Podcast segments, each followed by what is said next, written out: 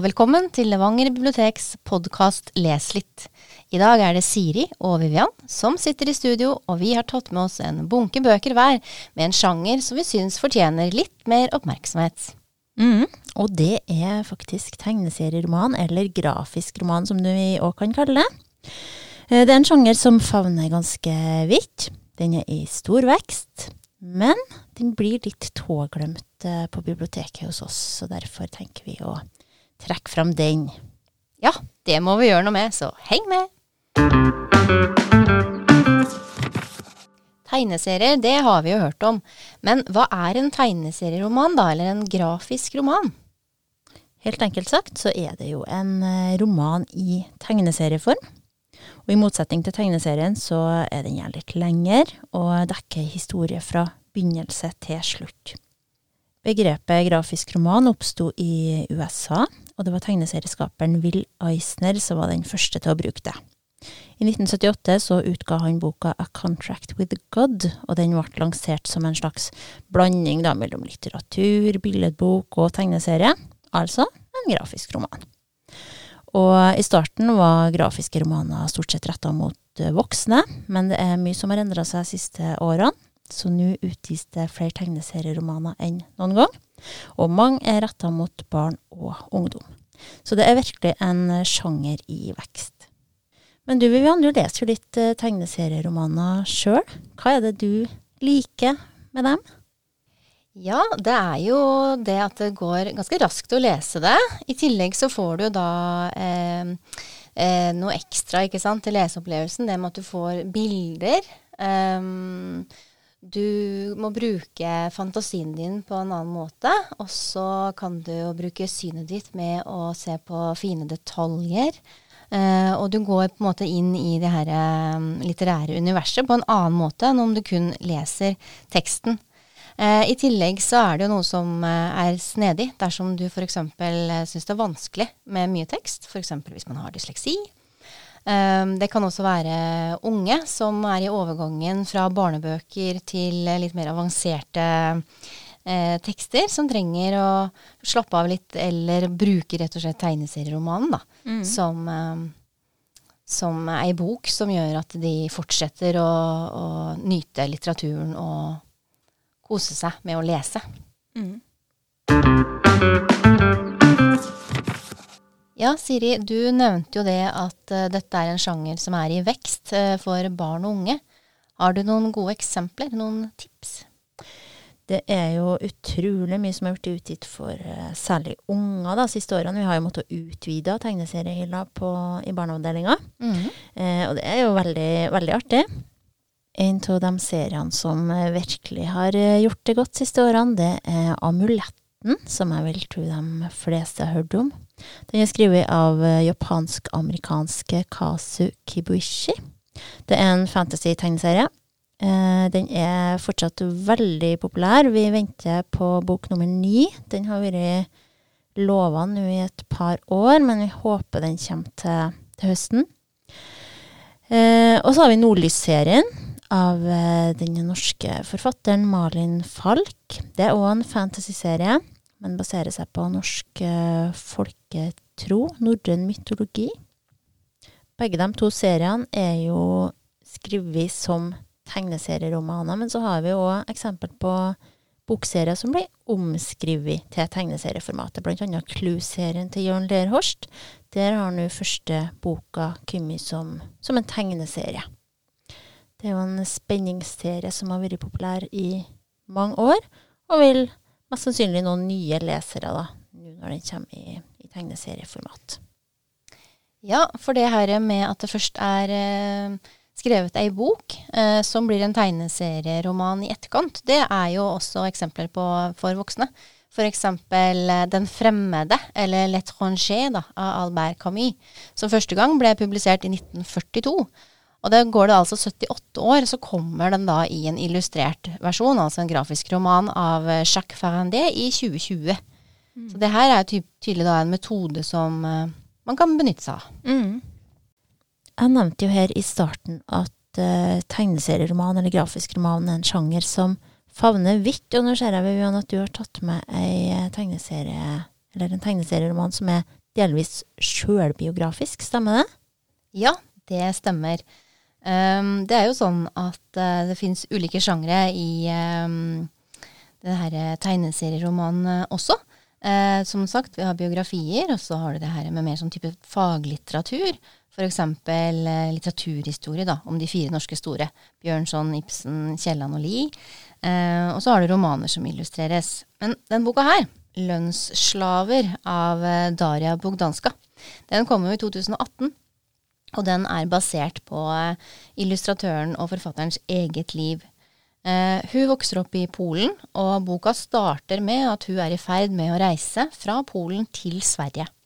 Hun har møtt en uh, ung mann, uh, sannsynligvis på en musikkfestival. Uh, og det kommer ikke frem hvordan han har helt invitert henne til Sverige, men i hvert fall så har de litt ulike forventninger da, mm. om dette med å, å reise til et annet land og å starte opp der.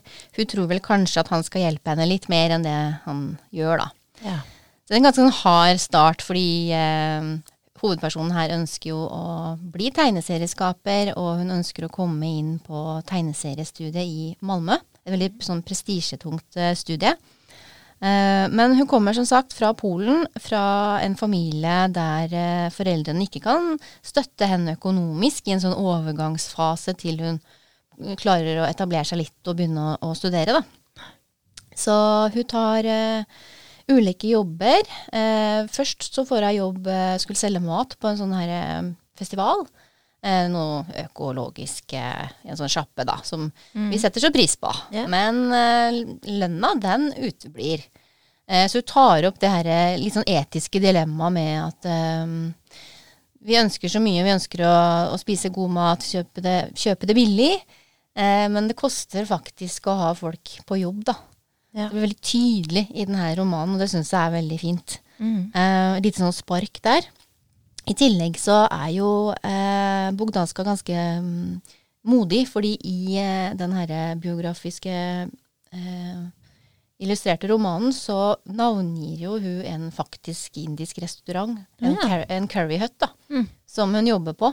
Ja. Eh, og ja, de blir faktisk hengt ut virkelig, da, fordi at de bruker kun eh, arbeidere som, eh, som får eh, eh, lønn på en måte under bordet, da. Så det er jo ikke noe de skatter av, det er jo ikke noe Det er svart arbeid. Mm. Det blir ikke registrert. Eh, og når du på en måte er helt nederst i det her hierarkiet, så ja.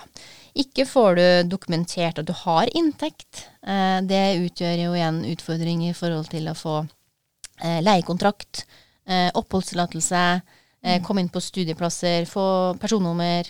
Altså det Ja, ja. det er jo ja. mm. Så det blir veldig sånn tydelig i den, i den romanen der, og det syns jeg er veldig Ja, det er veldig fint. Biografisk roman. Mm. Høres uh, veldig interessant ut. Jeg har ikke lest den sjøl. Men den spørs om den må på leselista. Helt klart. Og um, eh, ja, jeg tenker at eh, sånn som samfunnet utvikler seg, da, eh, så er den jo et eh, svar i forhold til Er det sånn vi vil ha det? Mm. Eh, vi tjener mer og mer. Eh, vi, vi, har ganske gode Mange har sånn har et ganske godt liv da, mm. i Skandinavia, men på restaurant der skal vi liksom ikke betale noe.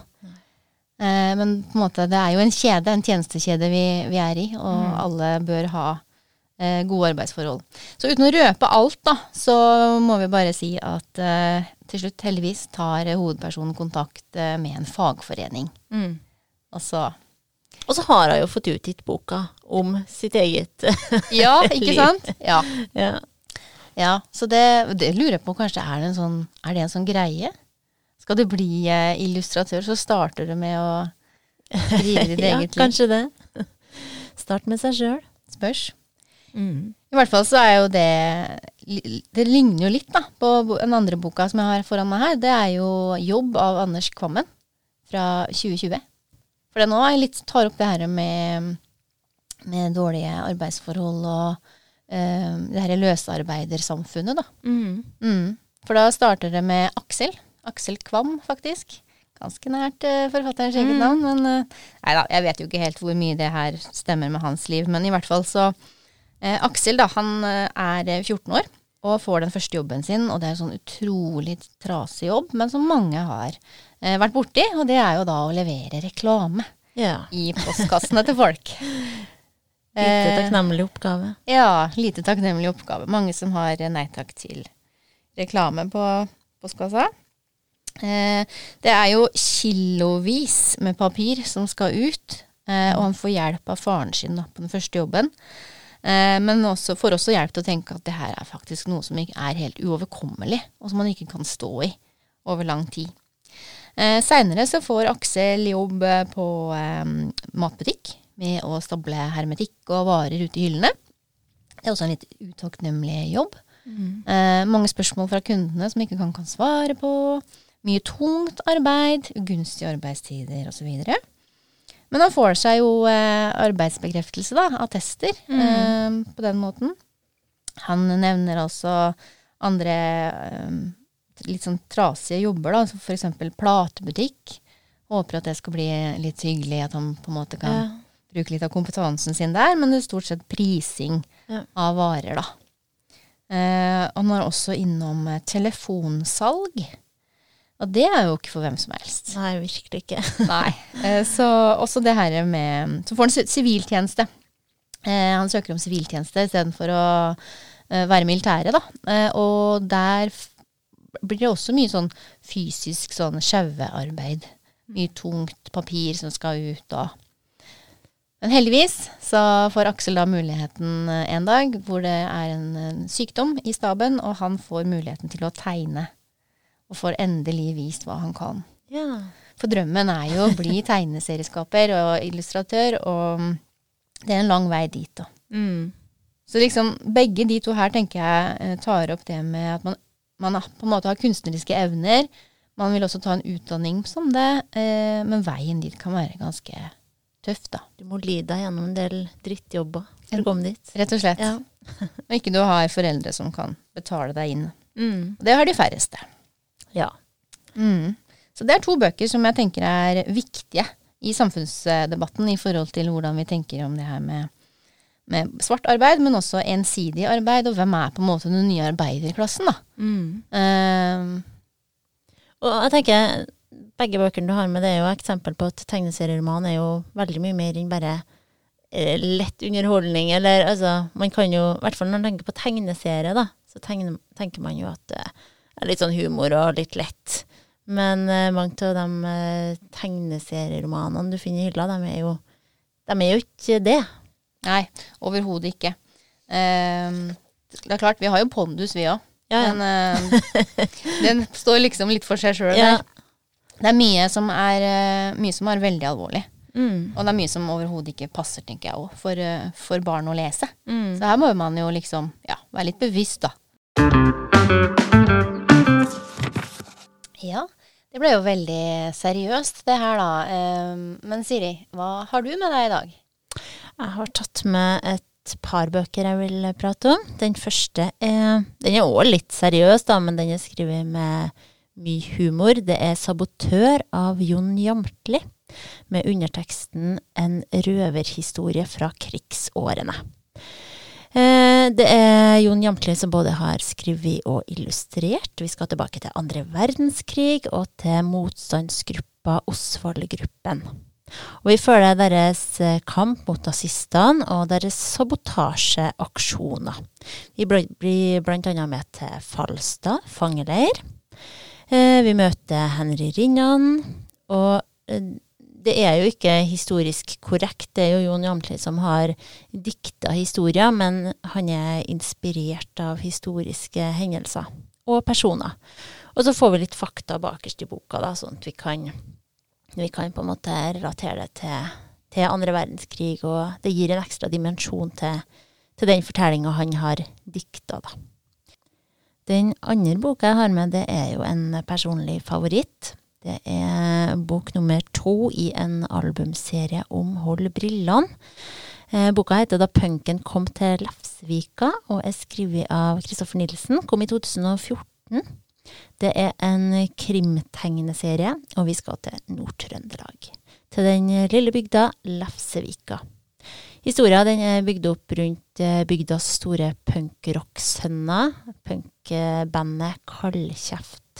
Stian, en av eh, guttene i bandet, han tok sjølmord, men søstera hans tror ikke, tror ikke at det var det som skjedde, og hun vil nå mange år etterpå eh, finne ut hva som, eh, som, egentlig skjedde med Stian. Så hun setter en privatetterforsker, eh, Halvor eh, hals på saken. Og eh, han reiser opp til Lefsefika for å spore opp tidligere bandmedlemmer, og eh, annet holde brillene. Hold brillene, han var bandets eh, vokalist. Han het egentlig Julius, men kalles Hold brillene fordi noen må holde brillene hans når han skal slåss. Han er en litt sånn ustabil eh, type. Eh, noen kjenner kanskje til dette navnet fra filmen 'Slipp Jimmy fri' fra 2006, for der hadde Holde brillene en, en birolle. Birolle. Eh, boka den er fullt av humor, og så er den jo litt spennende. Eh, den har mange gode replikker og interessante detaljer. Og som nordtrønder så er den kanskje litt ekstra artig å lese, for i Lefsevika så er det bl.a. en statue av Andreas Lundan med teksten 'Ikke forhånd nåles'. Mm. Så det er sånn eh, hele tida sånn små detaljer du kan legge merke til i, i tegningene. Eh, så det er både spenning og humor på, på høyt nivå. Og det er tredje boka i her, albumserien har ennå ikke kommet ut, så den venter vi fortsatt på. Det er jo ganske stor variasjon i forhold til uh, utvalget.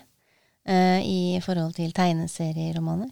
Mm, jeg tror man finner noe for Det er noe for alle i, i tegneserieromanhylla, i mm. alle fall. Mm. Så da ønsker vi jo at uh, folk tar seg en tur, sjekker tegneseriehylla, og neste gang du er innom biblioteket og ser om du finner noe som passer deg. Og er du usikker, så ta kontakt med oss i skranken, så hjelper vi deg gjerne. Mm. Da takker vi for oss her denne gangen. Abonner gjerne på podkasten, og følg oss på Instagram og Facebook.